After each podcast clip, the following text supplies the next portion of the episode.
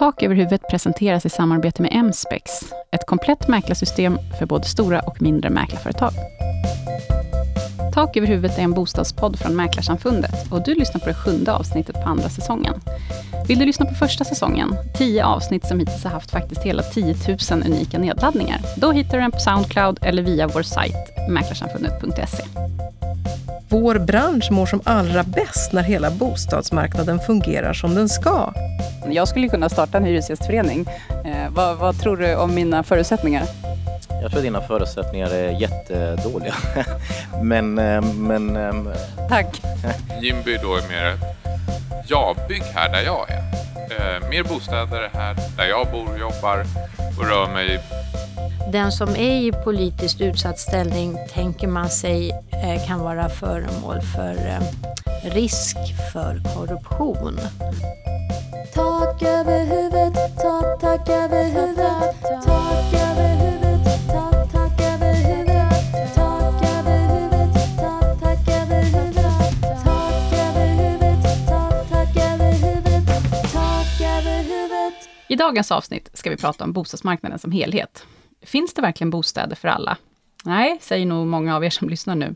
Nästan alla Sveriges kommuner, Sveriges kommuner har ju bostadsbrist. Eh, och ja, det stämmer ju till viss del. Eh, men vilken typ av bostäder är det egentligen brist på? Och hur påverkar det här oss i fastighetsmäklarbranschen, eh, när bostadsmarknaden inte fungerar? Det här ska jag prata med Sundbybergs tidigare kommunstyrelseordförande Jonas Nygren eh, om. Och även Gustav Svärd, som är ordförande i Jimby Stockholm, eh, är här och säger några kloka ord om det här. Jimby står för Yes in my backyard och vi återkommer till det. Eh, men först några ord med Mäklarsamfundets VD Ingrid Eiken. Hej, hur står det till? Tackar, tackar. Det är bara bra och det är klart att dagens eh, tema, det ligger ju mig otroligt varmt om hjärtat och vi lyfter ju faktiskt just bostadsmarknaden som sådan så ofta vi kan. Mm. Och var, varför ligger det här dig så varmt om hjärtat? Ja, på många olika sätt. Det är klart att alla behöver någonstans att bo och det påverkar ens framtidsmöjligheter. Men så sitter jag ju också i Stadsmissionens styrelse. Eh, och där möter vi människor som ofta är bland de eh, svagare i samhället. Och eh, det är klart att det blir extra tydligt i sådana möten att samhället inte riktigt klarar, att själva, klarar av själva bostadsförsörjningen för de mest ekonomiskt svaga. Och vi kan också se att till exempel äldre är den grupp som nu allt oftare får problem att klara sin eh, bostadsförsörjning. Så att det här är otroligt viktiga frågor. Men hur påverkar det här fastighetsmäklarbranschen? Då? Alltså för det första, när jag pratar om ekonomiskt svaga så menar jag en betydligt större grupp än de allra mest utsatta som kanske redan har hamnat i hemlöshet. Jag menar de som har arbeten med traditionellt låga inkomster, ta undersköterskor, eh, parkskötare. De yrken de har, de behövs i samhället. Och med den här höga urbaniseringstakt som vi nu har så kommer även de här människorna behöva röra sig mot storstäderna för att hitta sin arbetsmarknad. Var ska de bo? Eller när man blir av med sitt jobb i till exempel Motala och ska flytta till en lite större stad, Göteborg, för att hitta ett jobb. Då är det inte helt lätt att hitta en bostad för att röra sig på arbetsmarknaden. Och kraven på rörlighet på arbetsmarknaden har ökat oerhört mycket de senaste åren. Så för det andra, vår bransch mår som allra bäst när hela bostadsmarknaden fungerar som den ska. Både hyrd, ägd och med utbud i olika prisklasser. Det finns inget motsatsförhållande här inte. Eh, byggtakten är ju uppe nu i historiskt höga nivåer igen och regeringen har nyligen rullat ut någon sorts eh, investeringsstöd just för byggandet av billiga hyresrätter. Ehm, ska man tolka det här som att problemet kanske är löst snart? Nej, jag tror inte det och så enkelt tror jag inte heller att det är. Jag saknar eh, ett riktigt starkt politiskt ansvar i bostadsfrågorna för, för tillfället. Jag tycker man bollar runt de här frågorna. Och jag håller med Hans Lind, eh, professor i fastighetsekonomi på KTH. Han släppte ju en ny bok i våras som heter Åtkomliga bostäder. Och där skriver han att situationen på bostadsmarknaden nu är så allvarlig att det krävs en nationell samling för ett brett åtgärdsprogram med fokus på att särskilt förbättra bostadssituationen för hushåll med lägre inkomster. Och det är en uppfattning som jag delar. Stort tack Ingrid Eiken. Tackar. Jag sitter på ett fik i centrala Stockholm tillsammans med Jonas Nygren som är förbundschef för Hyresgästföreningen sedan några månader tillbaks och eh, tidigare var han kommunstyrelsens ordförande i Sundbyberg i sex år. Och han var också ett av namnen som diskuterades när det skulle utses en ny bostadsminister här för lite sedan. Eh, hej Jonas! Hej! Hur är läget? Ja men det är bara bra. Det, det eh, är ju full rulle kan man ju säga. Ja, det tror jag vi kan vara överens om och då syftar vi särskilt på bostadsdebatten. Ja precis och sen ser vi också hur eh, det är ganska många andra frågor som är på agendan men, men bostadsfrågan har ju seglat upp som kanske den viktigaste för tillfället. Du, när du, jag nämnde här precis, eh, när du var kommunstyrelseordförande i Sundbyberg så byggde ni mest och växte mest i Sverige som kommun. Precis, vi lyckades ju vara Sveriges eh, tillväxtkommun, blev också utsedda till årets tillväxtkommun och också årets superkommun så att vi, vi levererade bostäder på löpande band, ungefär 4 tillväxt årligen och jag brukar alltid som jämförelse, nu är det ju ingen tävling, men om Stockholms stad hade byggt lika mycket som Sundbyberg så hade vi inte haft någon bostadsbrist i Stockholm. Det är ju lite tänk, tankvärt när man eh, vet hur, hur läget ser ut idag. Du hade någon sorts devis på den tiden att det går om man vill. Ja, den devisen gäller ju fortfarande. Eh, Det vill säga att i Sverige går det att bygga och det går också att bygga mycket. Mm. Det finns ju de som påstår att det inte gör det, att det är så himla mycket regeltrassel och det är strandskydd och det ena med det tredje och det är liksom omöjligt om man lyssnar på vissa företrädare ute i kommunerna. Ja, och det var väl tur att jag inte lyssnade på dem eftersom jag såg till att bygga mycket och inte heller de som byggde eh, mycket i Sundbyberg lyssnade på dem. Så att, låt oss konstatera att Uppsala, Örebro, Göteborg, Malmö, Stockholm idag, Järfälla, Sundbyberg, ja, vi kan göra listan ganska lång, är väl undantaget som då bekräftar att det går att bygga. Eh, lik förbannat höll jag på att säga, men eh, trots detta så är det ju så att när kommunerna själva får skatta eh, hur eh, de lyckas med bostadsförsörjningen eller hur bristen ser ut så uppger 240 av Sveriges 290 kommuner att de har bostadsbrist och enligt en prognos från Boverket så saknas det 700 000 bostäder fram till 2025. Vad säger du om det? Ehm, ja, men alltså, nej, men det, det är ju så eh, att det saknas bostäder, för det, det får man väl ändå konstatera. Sen är frågan om det är 700 000. Det har varit 700 000 ganska länge nu, ibland går siffran upp, ibland så ligger den på 700 000. Jag tror att den där siffran är lite farlig att fokusera på, för det blir liksom nästan lite ouppnåeligt och så blir det lite så här att det här kommer aldrig gå.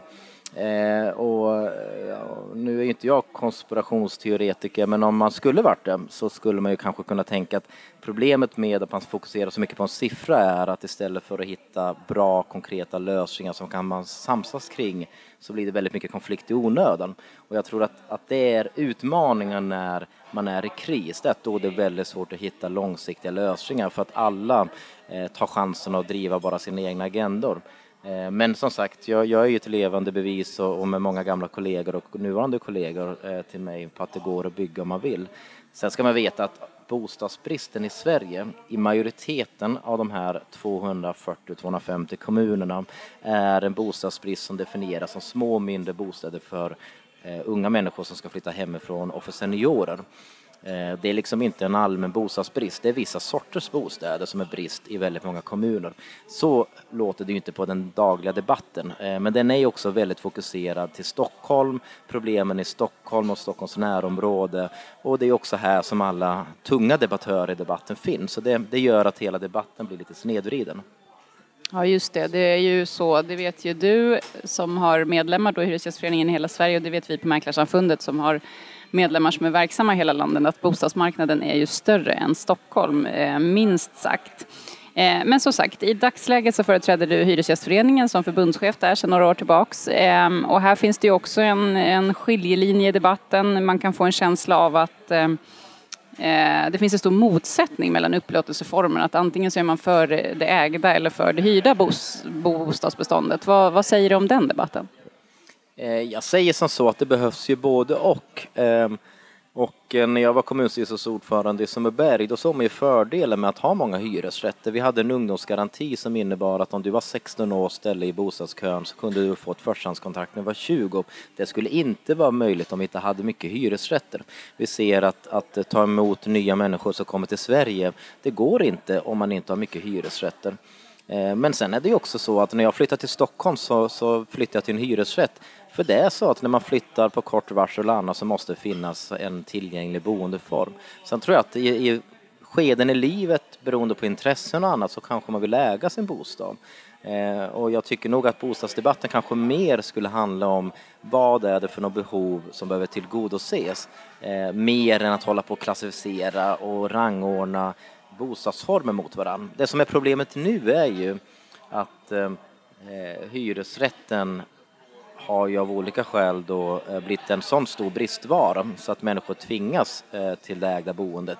Det tycker jag är en problematisk situation. Det måste ju finnas en valmöjlighet. Okej, men du tycker alltså inte då, om jag förstår det rätt, att man ska ställa eh, hyrt boende mot ägt boende och föredra det ena framför andra? Nej, alltså utan det är ju väldigt lönsamt. Den bästa investeringen man i princip kan göra är ju att äga hyresrätter. Så ska det ju fortsätta vara. Det, det är en lönsam eh, bransch eh, och eh, samtidigt så ser vi också att det är klart att när vi säljer mark som kommun så får vi ett pris när vi säljer till bostadsrätter och ett annat pris när vi säljer till hyresrätter. Men det beror ju på att man räknar hem kalkylen på olika sätt. Jag tycker att kommunen måste hjälpa till och se till att eh, kommunerna måste hjälpa till för att, att skapa så att säga en balans så att det finns både hyresrätter och bostadsrätter. Ehm, och det är ett ansvar kommunerna har. Det som professor Göran Kars på KTH säger att kommunernas uppdrag är inte att tjäna pengar. Det är att ta ansvar för samhällsbygget. Och därför så ska kommunerna ha allmännytta, de ska bygga hyresrätter, de ska se till att det finns en balans, både ägt och hyrt. Ehm, inga konstigheter, men det ansvaret tar tyvärr inte Sveriges kommuner idag, i alla fall inte alla. Ehm, men, men det, det är ju liksom grundkravet, att kommunerna börjar ta sitt ansvar. Det ser man ju också när man, när man gör undersökningar, nu senast var det väl SBAB som, som gjorde undersökningar i branschen och frågade vad är liksom de stora problemen på, på, på bostadsmarknaden, varför byggs det inte mer? Då konstaterar man att det är mycket kommunerna och deras tjänstemän som, som måste ändra attityd, bli bättre på att jobba och snabba upp processerna. Och då finns det också, eftersom ehm, plan och bygglagen är en, en ehm, Eh, en, en tillåtande lagstiftning eh, med tolkningsmöjligheter så går det att bygga väldigt mycket om man vill det. Men det kräver politiskt mod, politisk vilja. Och det visar sig ju när kommuner bestämmer sig så går det att bygga väldigt mycket. Okej, så att de här eh, krösa-Majorna som säger att det här går inte och det är för krångligt och man måste göra om i, nu håller ju regeringen på att se över Boverkets byggregler och så, det tycker du, det är inte där knuten sitter om man frågar dig? Nej, eh, nu har ju regeringen då eh, beslutat sig för att införa en morot, det vill säga man gynnar kommuner och ekonomer som bygger mycket. Det är jättebra. Nästa steg är att straffa de kommuner som inte bygger alls. Eh, för då får man en modell som gör att det är lönsamt att växa och bygga. Så har man i Tyskland till exempel. Där är det ju så att som politiker så belönas du när det växer och det byggs. För att de medborgarna får betala så mycket för en icke-fungerande bostadsmarknad. Och samma sak är i Sverige, men här har vi ju inte haft vett nog att, att trycka på politiken och säga det att bygg nu. Eh, och jag tror rent allmänt, min erfarenhet från Sundbyberg var att det fanns ett jättestort eh, folkligt stöd för att bygga och bygga mycket, för fördelarna är så många. Men man är lite räddshågsen av sig som, som kommunpolitiker och man kanske inte vill göra sig impopulär bland, bland vissa kretsar och så. Så att jag tror att lösningen på bostadsbristen det är ju att, att kommunerna orkar och vill ta ansvar med stöd av staten. Ja, just det här med straff. Eh, Viktor Bart Kron i DN, han eh, hade ju någon idé om att man skulle gräva av Lidingöbron som straff för att de inte bygger där ute. Är det rätt väg att gå?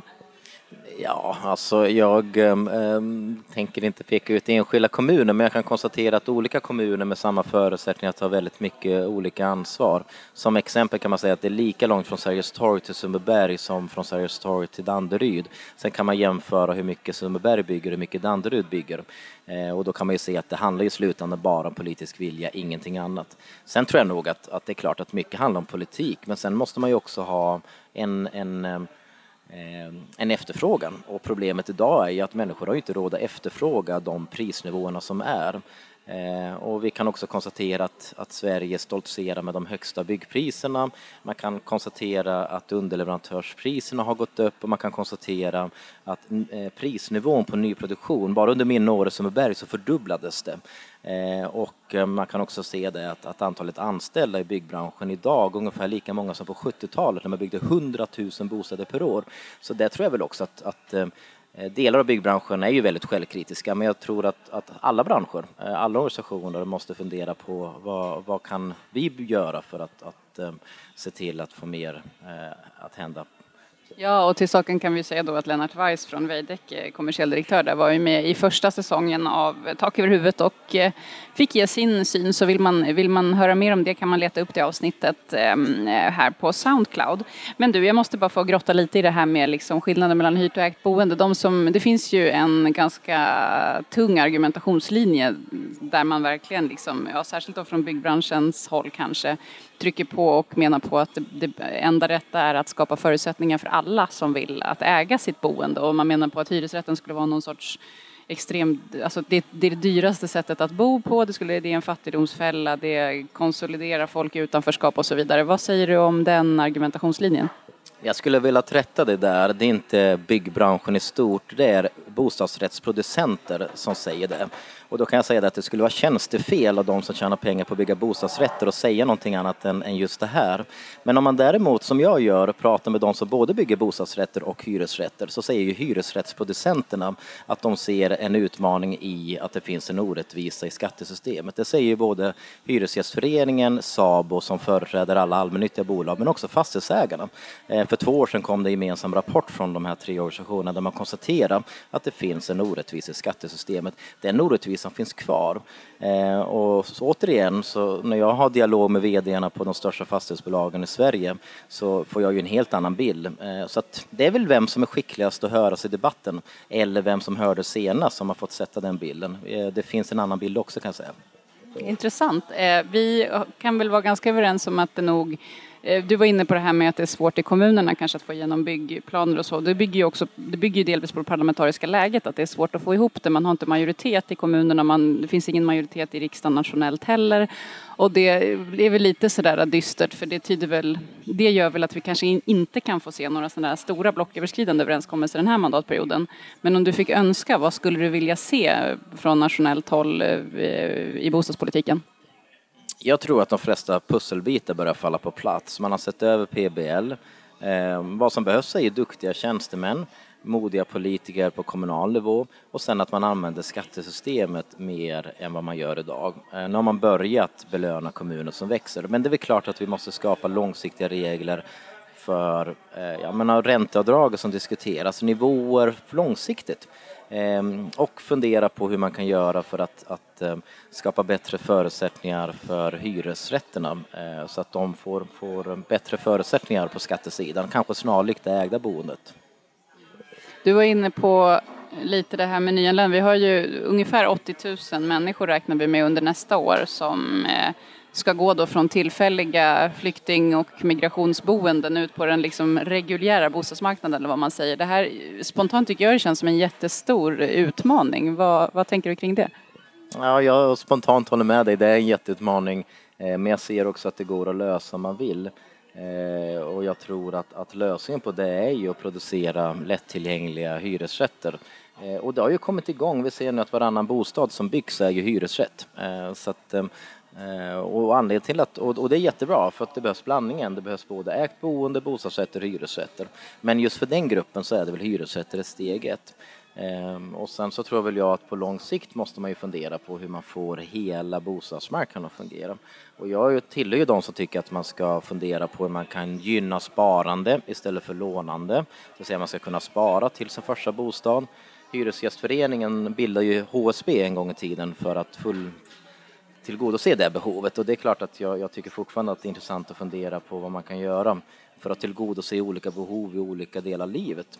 Men jag tycker också att det är viktigt att, att se det, att alla olika boendeformer ska få snarlika förutsättningar. Det är med det som jag tycker är, är ändå viktigt. Det behövs både och, inte antingen det ena eller det andra. Vi pratar mycket om bostadspolitik i det här samtalet. Ehm, är Hyresgästföreningen en politisk organisation? Vi är jättepolitiska, bostadspolitiska. Eh, vi pratar väldigt mycket om att vi, eh, vi eh, värnar hemmet, alltså människans rätt till ett hem. Vi tycker ju, vilket ju i dagens läge kanske är lite unikt, att bostad är en rättighet. Alla människor ska ha rätt att ha någonting att kalla sitt hem. Det är en rättighet som politiken, politikerna har skyldighet att leverera. Det är vår åsikt. Idag gör inte politiken det. Man kan inte förvänta sig att intresseorganisationer som vi eller att, att privata fastighetsbolag ska leverera, utan det är faktiskt ett gemensamt samhällsansvar eh, som faller på, på alla ledamöter i Sveriges riksdag. Ehm, så vi är en, absolut en, en jättebostadspolitisk ehm, eh, organisation. Sen företräder vi ju en tredjedel av alla Sveriges hyresgäster, 540 000 medlemmar eh, och vi växer ju. Så att vår förhoppning är ju att vi snart ska organisera en, en eh, ännu större del av, av Sveriges hyresgäster. Sen har vi också ett samhällsansvar där vi förhandlar en och en halv miljoner lägenheter. Eh, 100 000 lägenheter förhandlas ju inte alls eller av andra då, men en och en halv miljoner lägenheter förhandlar vi, vilket ju är en jätte, jätteviktigt uppdrag vi gör. Är du orolig för konkurrens då? Det finns ju ingen, eh, det finns ingen annan hyresgästförening, för ska man vara krass så skulle ju vem som helst kunna starta en. Jag skulle kunna starta en hyresgästförening. Eh, vad, vad tror du om mina förutsättningar? Jag tror dina förutsättningar är jättedåliga. men, eh, men, ehm, Tack.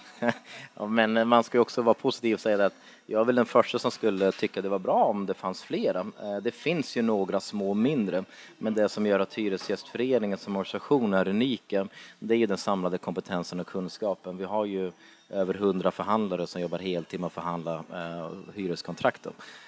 men också styrkan. Det är klart att vi Alltså, som hyresgäst är du mycket mer utsatt än som bostadsrättsägare. Det är ju därför man har en konsumentskyddslagstiftning i Sverige som, eh, som regleras i hyreslagen då, där man ger i uppdrag till någon hyresgästförening, alltså förening av hyresgäster, att förhandla. Sen råkar vi vara den största eh, och den som har över 90 procent alltså säga, hyresförhandlingarna. Eh, men, men vi skulle vara glada för lite konkurrens och lycka till. Men du tror inte på mig som, som grundare av din konkurrent? Jo, nej men det är väl... Jag, jag, jag, jag, jag tror att det krävs att man har en ganska... För det är ju, det är ju en jätteapparat att förhandla hyror.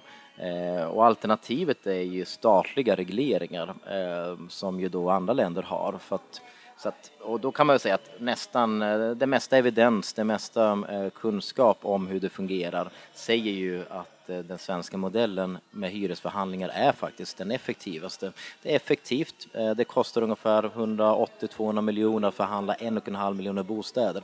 Det innebär att man slipper enskilt förhandla med om man äger 7000 fastigheter eller 7000 lägenheter med 7000 konsumenter. Man förhandlar med en part som företräder alla.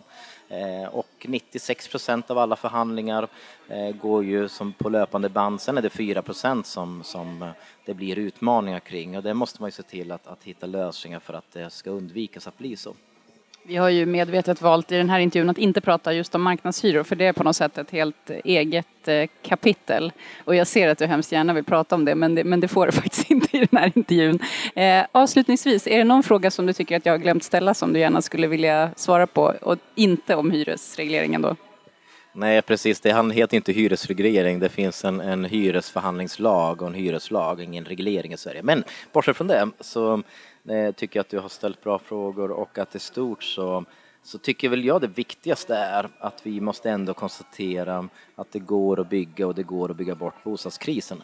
Vår utmaning är inte att bygga, utmaningen är att bygga det som efterfrågas. Och det har vi faktiskt inte hittat lösningen på än. Eh, Och det räcker ju att räkna ut vad medelinkomsten är i stora delar av våra hushåll och se vad de har råd att betala. Då kan man inse det att det som nyproduceras idag ligger ju inte i linje med vad de har råd att betala. Då har vi ett problem. Det problemet måste man gemensamt lösa. To be continued. Eh, Stort tack Jonas Nygren. Tack så mycket. Jag sitter här med Gustav Svärd som är talesperson för Jimby Stockholm. Hej Gustav! Hej! Hur är läget? Det är väldigt bra faktiskt. Eh. Snön har försvunnit, det är ju trevligt. Ja, det kan jag skriva upp, kan jag skriva upp och det tycker jag också är härligt. Du, eh, Jimby, vad är det för någonting? Eh, vi är ett nätverk i Jimby Stockholm då, ett nätverk i Stockholm med omnejd som vill att det byggs mer och byggs mer stad. Byggs bättre helt enkelt. En stad med riktiga gator, riktiga parker, riktiga kvarter och med rikligt med bostäder. Så att vi faktiskt får plats alla som bor här och alla som vill flytta hit. Vad står Jimby för? Det står för Yes in my backyard, vilket är då en anspelning på eh, konceptet NIMBY, Not in my backyard, eh, som myntades av en engelsk politiker på 60-talet. När, som han hade då märkt att det var folk som här, bygg gärna, men inte där jag är, inte där jag bor, inte där jag ser. Liksom, jag vill, jät- folk som jättegärna säger bygg fler bostäder, bygg fler motorvägar, men inte här där jag är. Eh, vi Jimby då är mer ett ja, bygg här där jag är. Eh, mer bostäder här där jag bor, jobbar och rör mig. Liksom. Och eh, dock ofta med ja, bygg här, det här är en bra plats. Men tänk på det här och ändra gärna det här, lägg till fler bostäder, ändra på det här. Om man läser om er på, er på er sajt, eller ni har ju också en grupp på Facebook som man kan gå med i om man är intresserad av de här frågorna. Då står det att ni har tröttnat på eh, handlingsförlamade politiker och på människor som bor i en stad men som inte vill ha stad. Ja, det är politiker som eh, ofta lyssnar lite för mycket känner vi på de som säger nej till allt och försöker liksom förhandla med dem på något sätt genom att minska projektens storlek. Eh, dock så visar det sig i princip alltid att de här som var emot förut, de fortsätter vara emot oavsett hur mycket man bantar ner. Eh, och sen dessutom att den här särskilt mediebilden av att folket är emot att det byggs. Eh, för det, det är inte det vi ser själva. Eh, utan det, det liksom överdrivs hur många som är emot och det är, att det finns några som organiserar sig emot ett projekt betyder inte att alla i området är emot. Och det betyder inte att den här lilla gruppen står för alla på något sätt. Utan det, det vore bra om man liksom då tar fram riktiga siffror på vad folk tycker. För den som, det är alltid lättare att, att få folk att agera och reagera på det som man är emot en förändring än att få, få de som liksom kan, kan komma att flytta dit att i förväg eh, börja aktivera sig. Så det är maktobalans där. Hur länge har ni funnits i Stockholm då? Hur, länge, hur kom det sig att du kom in på det här? Vad är din bakgrund? Eh, Jimby Stockholm, vi startade det för lite över nio år sedan eh, och sen spred det sig snabbt till Göteborg och Uppsala och Malmö och Gävle och så vidare. Eh, och sen har det även poppat upp i andra delar av världen liknande rörelser och organisationer. Eh, och min egen bakgrund är att eh, jag, jag var med och startade där för nio år sedan. Och bakgrunden inom området är väl ett, ett intresse av frågan av arkitektur och stadsplanering. Eh, sen var liksom tonåring. Eh, gick även ett år på arkitekt på KTH. Eh, dock insåg jag sen att det var väldigt mycket en konstutbildning uppfattar jag det som. Liksom, det var liksom skapande processer och jag är väldigt mycket mer en tekniker så nu jobbar jag istället inom IT-branschen. Så, och eh, det är många inom aktiva i Jimby som är inom just IT-branschen också faktiskt. Ja, det är lite intressant. Hur kommer det sig tror du? Det, det är en bra fråga. Jag tror det är intresse för system och få saker att funka och även att man verkligen märker av eh, liksom bostadsbrist och så. Eh, både man hör från kollegor och liksom att företaget vill rekrytera men det finns inte folk. Eh, och det är svårt ens att få hit folk från andra delar av, av Nordeuropa. Just det, att Stockholm, arbetsmarknaden i Stockholm blir ju extremt drabbad av att vi inte har tillräckligt mycket bostäder. Eh, men om man tittar då på förtätning och hur många som kan bo. Jag var själv ute och pratade om bostadsbristen i Stockholm i ett sammanhang och då var det en, en eh, pensionerad tidigare riksdagsman som eh, blev jätteupprörd över mina, min argumentation och tyckte att det fanns överhängande risk att maffian skulle ta över sophämtningen och så den dagen vi blev för många i Stockholm. Vad, vad säger du om en sån argumentationslinje? Jag ser ingen logisk liksom, samband där. Eh, det handlar väl mer om polis och rättsväsende det. Och det är ju lite oberoende av täthet så. Eh, däremot så finns det ju liksom reella problem med att om vi skulle bli allt för täta eh, så, så finns det ju liksom, hur ska infrastrukturen hålla? Eh, men det allra, allra mesta av det finns det lösningar på till en väldigt stor grad. Det är, vi är ju väldigt långt från att vara för tätbefolkade i Stockholm och det är egentligen bara innerstan som når upp till eh, de täthetssiffror som FN har för en hållbar stadsbyggnad från eh, IPCC, alltså eh, internationella panelen om klimatförändringarna och även UN Habitat som, är, som sysslar med då just mänskliga bosättningar och hur det ska bli hållbart och liksom både eko, ekologiskt men även ekonomiskt och socialt och det är nästan hela Storstockholm är alldeles för glest. Det är inte ekonomiskt och ekologiskt hållbart. Det blir alldeles för mycket pendling, det blir alldeles för mycket infrastruktur att underhålla per person och så. Så det är ju stora eh, besparingar egentligen att göra genom att bo tätt. Sen att om man bygger täta smart, så som dagens innerstad till stor del är, så blir det dessutom en väldigt trevlig plats att bo med, nära till service, nära till parker och sånt. Och då kan man ju faktiskt få en väldigt attraktiv som folk vill bo i. Och det märks också i Stockholm på eh, bostadspriser. Det har ju gjorts analyser på det, eh, vetenskapliga analyser och då kommer man ju fram till att det är, liksom, förutom närhet till eh, centralstationen, som är viktigast, inte helt oväntat, så är det just aspekter som är, har med eh, liksom, täthet och urban utformning att göra, liksom urbana service. Eh, närhet till parker, närhet till riktigt gångnät. Man kan gå till, eh, till sina vardagsbestyr och att man kan faktiskt göra vardagsbestyren. Handla saker och, och annan service inom gångavstånd. Och allt det är saker man får just av att när man bygger tätt. Och det, det, är liksom, det är det som folk vill ha, det är det folk är beredda att betala för. Eh, ofta i i debattartiklar och insändare så står det att så här, men vi flyttar ju hit för, för det gröna, för skogen. Och kan faktiskt säga att i den analysen då som eh, Spacescape gjorde eh, så påverkar parker påverkar, men just det här bara grönyta så här, påverkar inte priserna alls. Det märks inte. Eh, närhet till skog, det påverkar inte. För det är det mest, de flesta har det direkt utanför huset. Eh, och det är väl en missriktad välvilja en gång i tiden som man har gjort att man har planerat så. Okej, och hur ska man då, för jag menar, eh, det här låter ju ändå så här rimligt och genomtänkt och det är vetenskapliga studier här som ligger bakom, men det finns ju ganska starka röster fortfarande. Vi pratade lite här eller innan vi drog igång intervjun om det här i nätverket i Årsta som överklagar allt som kommer upp där. Eh, hur ska man liksom på ett pedagogiskt sätt få de här eh, motståndarna med sig? Jag tror att man ska ge upp tanken lite grann på att man ska få alla med sig.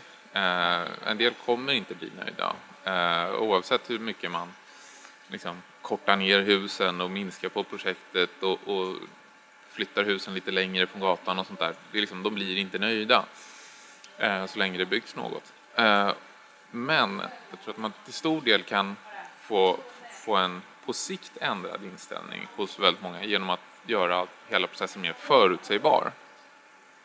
Med processen, menar du då byggprocesser eller liksom stadsutveckling eller vad menar du då? Egentligen inte så mycket själva byggandet utan mer planeringen och, och så, liksom stadsutvecklingen. Idag har vi ju, vi har ju en regionplan och översiktsplan och områdesplaner och så. Och sen kommer detaljplanen. Och av dem så är det bara detaljplanen som har något juridiskt värde egentligen. Eh, alla de andra kan man strunta i helt när man ska bygga. Eh, och det, är liksom, det märks. Eh, gör man som i, just, om man ska nämna Årsta då, Årstastråket där, när man säger ja nu ska vi bygga ut innerstan här ut mot Årstafält och så. Eh, så är ju hela plan, hela, som det heter, Årstastråket, här ska det bli ett stråk, liksom ur, urban gata liksom, med, med liv och så. Eh, och så kommer man till detaljplan 2 i hela området. Och då står det i början att i och med att detaljplan 1 helt omöjliggjort att man bygger ett stråk eh, så, så kommer vi inte ens försöka att bygga ett stråk. Och då har man alltså i första detaljplanen, första som är juridiskt bindande, helt tagit bort och sänkt och sabbat hela grundtanken med hela områdesplaneringen. Och det är på den nivån det ofta händer i Stockholm. Man, man tar ett hus i taget i princip, eller, eller tre eller fyra. Och sen tänker man inte längre än så. Och har ingen liksom, det märks att det inte finns någon tanke på att vi kanske vill bygga mer i området sen.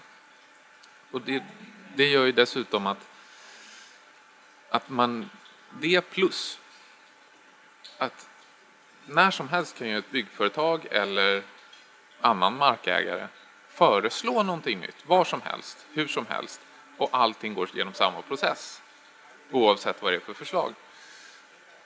Så man vet ju aldrig vad som kommer hända näst i sitt närområde. Så om man släpper igenom att ja, men ni bygger på den där slybacken bredvid tunnelbanestationen.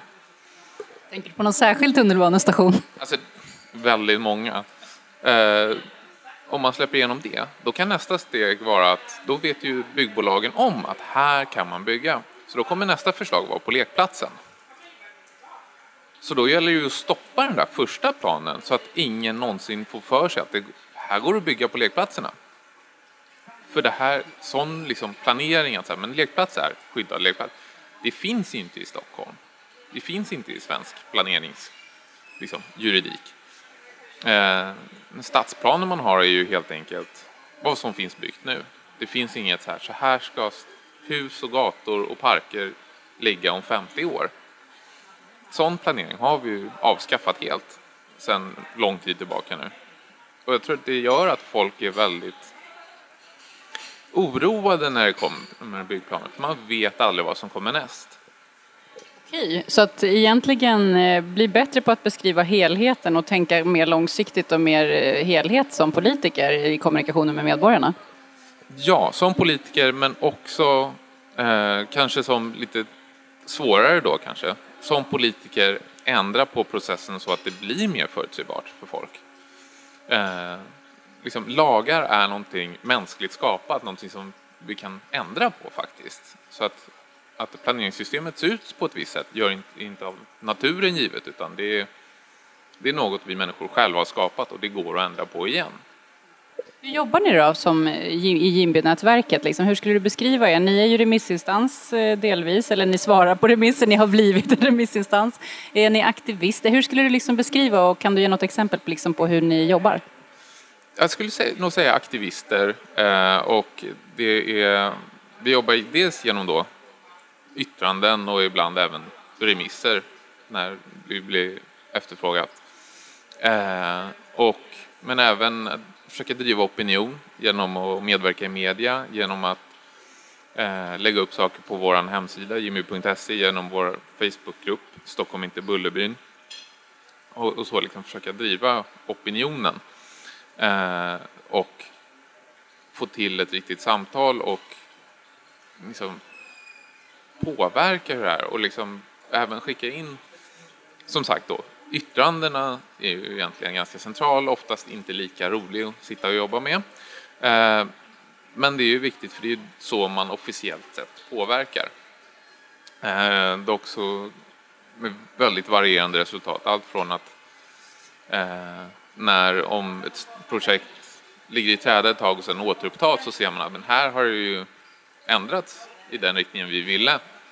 Sen är det ju sällan det står att tack vare Jimbys input så ändrar vi så här. Det står ju liksom inte. Men, men... Vi får inte heller så många sådana erkännanden när vi svarar på remisser på Mäklarsamfundet.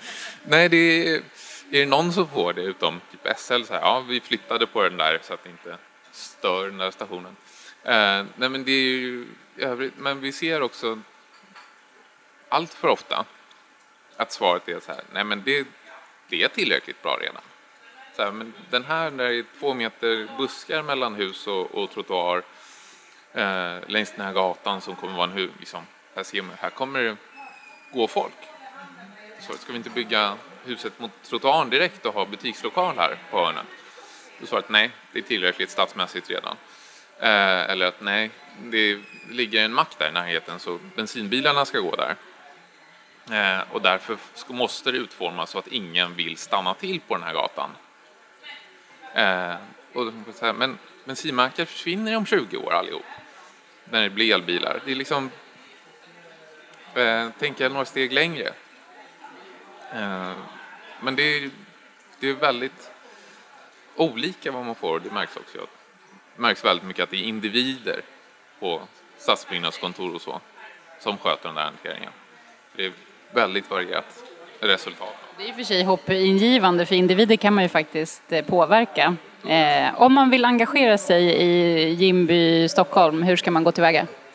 Enklast är, är bara att gå in på antingen jimby.se eller i vår Facebookgrupp Stockholm inte i Bullerbyn och, och gå med där och börja diskutera och säga att man vill aktivera sig mer så, så, kommer, det, så kommer vi snappa upp det.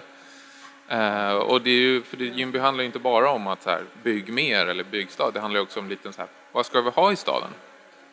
Eh, och eh, just som vi försöker trycka på när man får utrymme så här, det betyder också fler parker.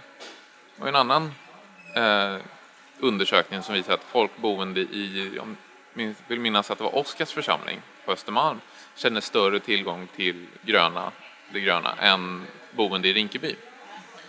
Och då är ju Östermalm är ju verkligen stenstad och Rinkeby är verkligen att det, så här, det ska vara så mycket grönt mellan husen som möjligt. Eh, så det, där ser man att det finns mer än bara liksom kvantitet, det finns även kvalitet betyder något. Eh, och därför liksom fler parker, för det är väldigt många som bor i Stockholmsförorter som egentligen inte har tillgång till park. Man har tillgång till eh, liksom en snårskog man måste gå igenom mellan tunnelbanan och bostaden, men en park har man inte tillgång till i närområdet. Eh, men också tillgång till bostäder, till olika sorters kommersiell och offentlig service i närområdet, liksom, så man kan gå till, till allting. Eh, men också att bostäderna, att där har vi den stora bristen idag. Eh, och det här liksom statens mål med 700 000 nya bostäder ser vi att egentligen skulle Stockholmsregionen kunna svälja det på samma tidsplan. Fram till 2025? Ja, 2025, 2030 skulle alltså 700 000 nya bostäder. Det är en halv miljon i bostadskön. Eh, det är många som vill flytta hit och det saknas bostäder. När bostadsbristen försvinner mer och mer kommer ju liksom kommer ju fler se det som rimligt. Det har ju varit i flera år rapporterats nu om att det är många som unga i Sverige som kanske vill gå på KTH. Men de söker ju inte ens för de vet att det inte finns bostäder. Så vi tappar liksom inflyttande som skulle vara rätt bra att ha i stan på att det inte finns bostäder. Eh, och sen när man även bygger de här områdena, se till att inte göra liksom den här uppdelningen som man gjorde under liksom, mest av 1900-talet. Där ska de som har den inkomstklassen bo, där ska de som har den inkomstklassen liksom bo. Dela upp folk.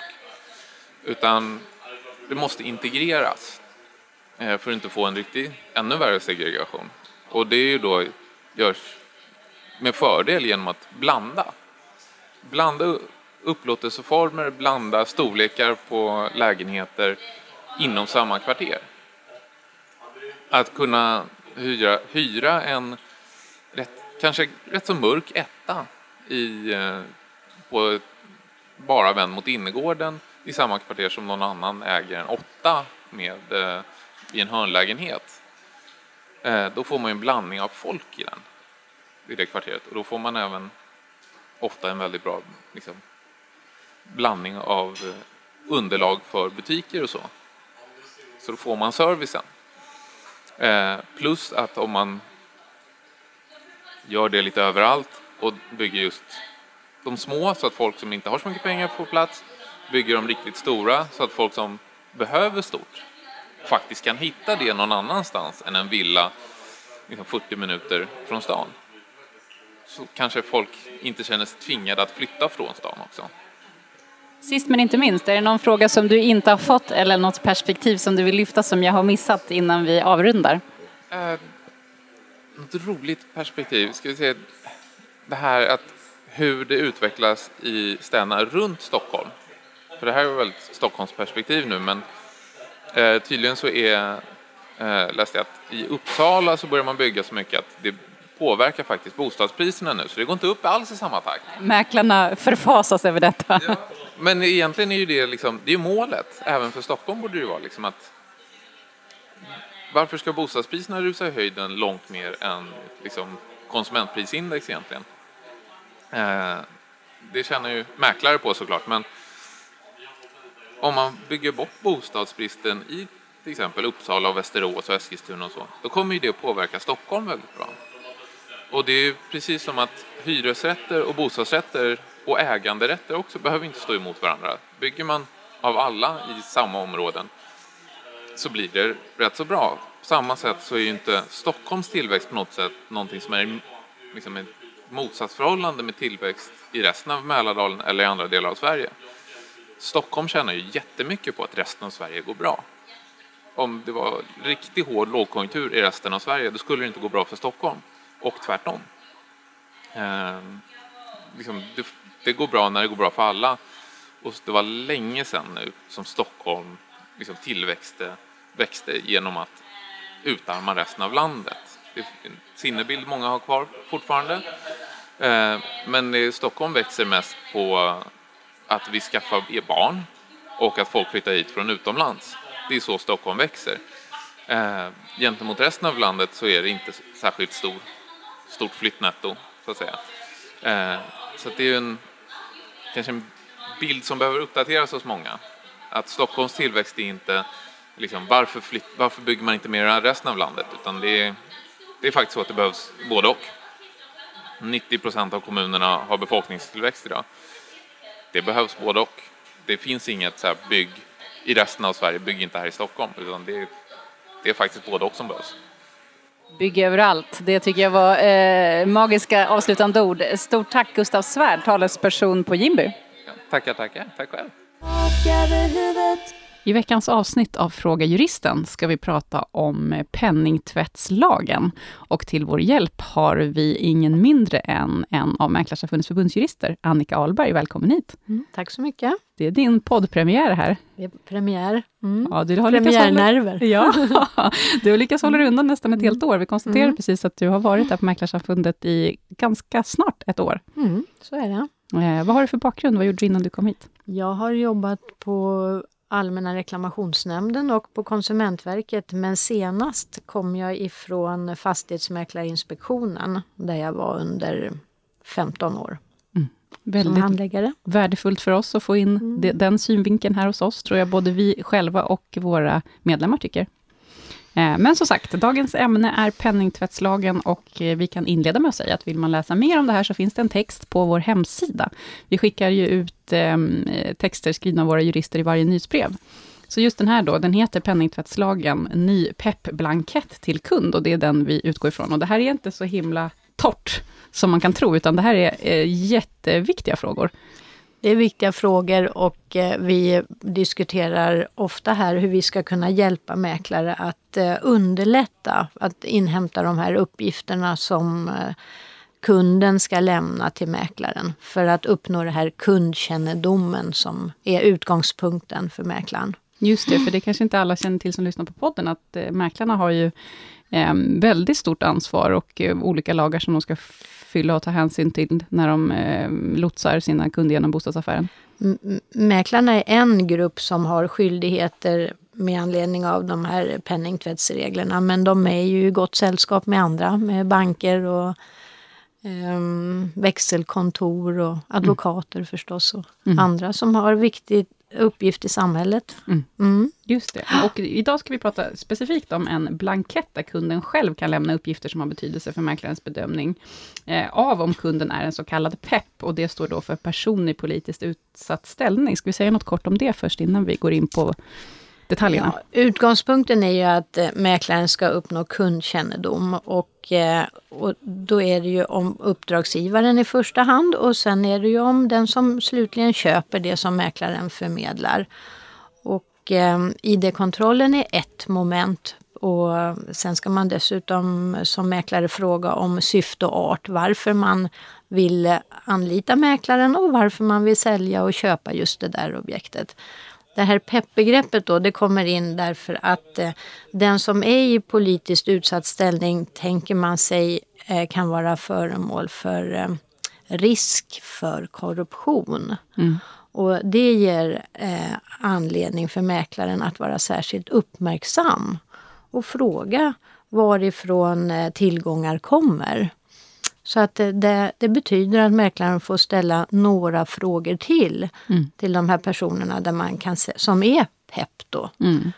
Just det, och är det, är det personen... Ja, förlåt. Person. Ja, person i politiskt utsatt ställning. Det är Just ett engelskt begrepp som man använder, PEP. Ja. Mm. Och är det här eh, personen själv som får göra bedömningen om den tycker att den är en sån här person, eller hur kan mäklaren ta reda på det? Det är ju personen själv som lämnar information om, vilket, om yrke till exempel. Och, och eh, då är, med det underlaget så ska mäklaren kunna se om man tillhör den här kategorin. Och nu är det alltså aktuellt med skärpta åtgärder. Vad innebär det? Ja, det, är inga, det är ingen nyhet eh, utan eh, det Kanske är det är för som... några av de som lyssnar här på podden. ja, men det är ingen ny lagstiftning. Utan eh, om det är så att eh, personen är en PEP, då, då blir det med automatik ett krav på skärpta åtgärder. Vilket är just det jag sa nyss, att man ska vara extra uppmärksam på varifrån tillgångar kommer. Att ställa extra frågor.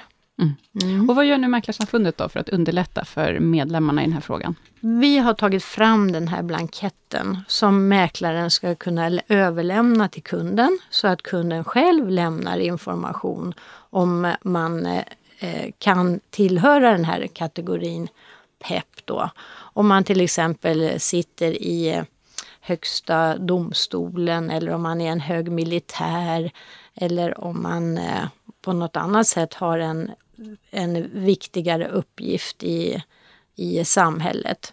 Eller om man är släkt med en person som omfattas av de här reglerna. Så att det, det blir en, eh, ja, en större grupp eh, med personer där mäklaren behöver ställa ytterligare frågor för att försäkra sig om att pengarna inte kommer från, eh, eller rättare sagt att det finns eh, ett underlag för att personen gör affärer med egna medel. Och att man inte ska... Det här är ett led i kampen mot korruption. Så att eh, Det är det som är då själva får mäklaren en roll där. Ja, Mm. Precis. Eh, vart hittar man då de här rutinerna? Eh, och då måste vi kanske börja med att förklara. Det är rutiner med stort R här. Det är rutiner med stort R som har funnits på, på webbplatsen eh, under en tid där eh, Mäklarsamfundet har tagit ja. fram ett underlag för att eh, mäklaren själv ska kunna eh, eh, upp, vad ska jag säga, spara de här dokumenten och fylla i dem så att de är anpassade till eh, var och en av fastighetsmäklarna. Och ehm, det här underlaget är också ett ganska bra uppslagsverk kan man säga. Där Mm. man kan titta vad är ett skärpta åtgärder till exempel Mm. och hur uppnår man kundkännedom om en kund som är på distans. Och Mm. Det, svaret finns i de här texterna Mm. och lättillgängligt.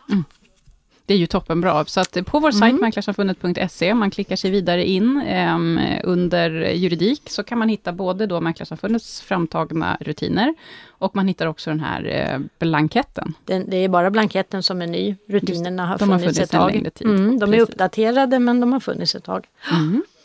Eh, vad är nytt då i eh, uppdateringen? Uppdateringen, eh, det är inte särskilt mycket. De är anpassade till inspektionens nya föreskrifter.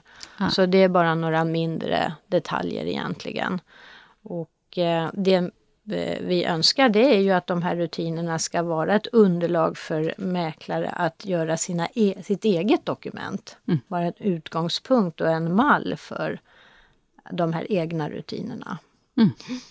Det om penningtvättslagen och vår nya peppblankett till kund. Stort tack Annika Ahlberg. Mm, tack så mycket. Tack för att du har lyssnat på veckans podd från Mäklarsamfundet. Podden klipps och produceras av Andreas Machado från Diggin Larry. Produktionsledare är Caroline Berg. Grafik och avsnittsfoto görs av Karina Vikaby. Och jag, jag heter Josefin Uppling. Tak över huvudet Tak över huvudet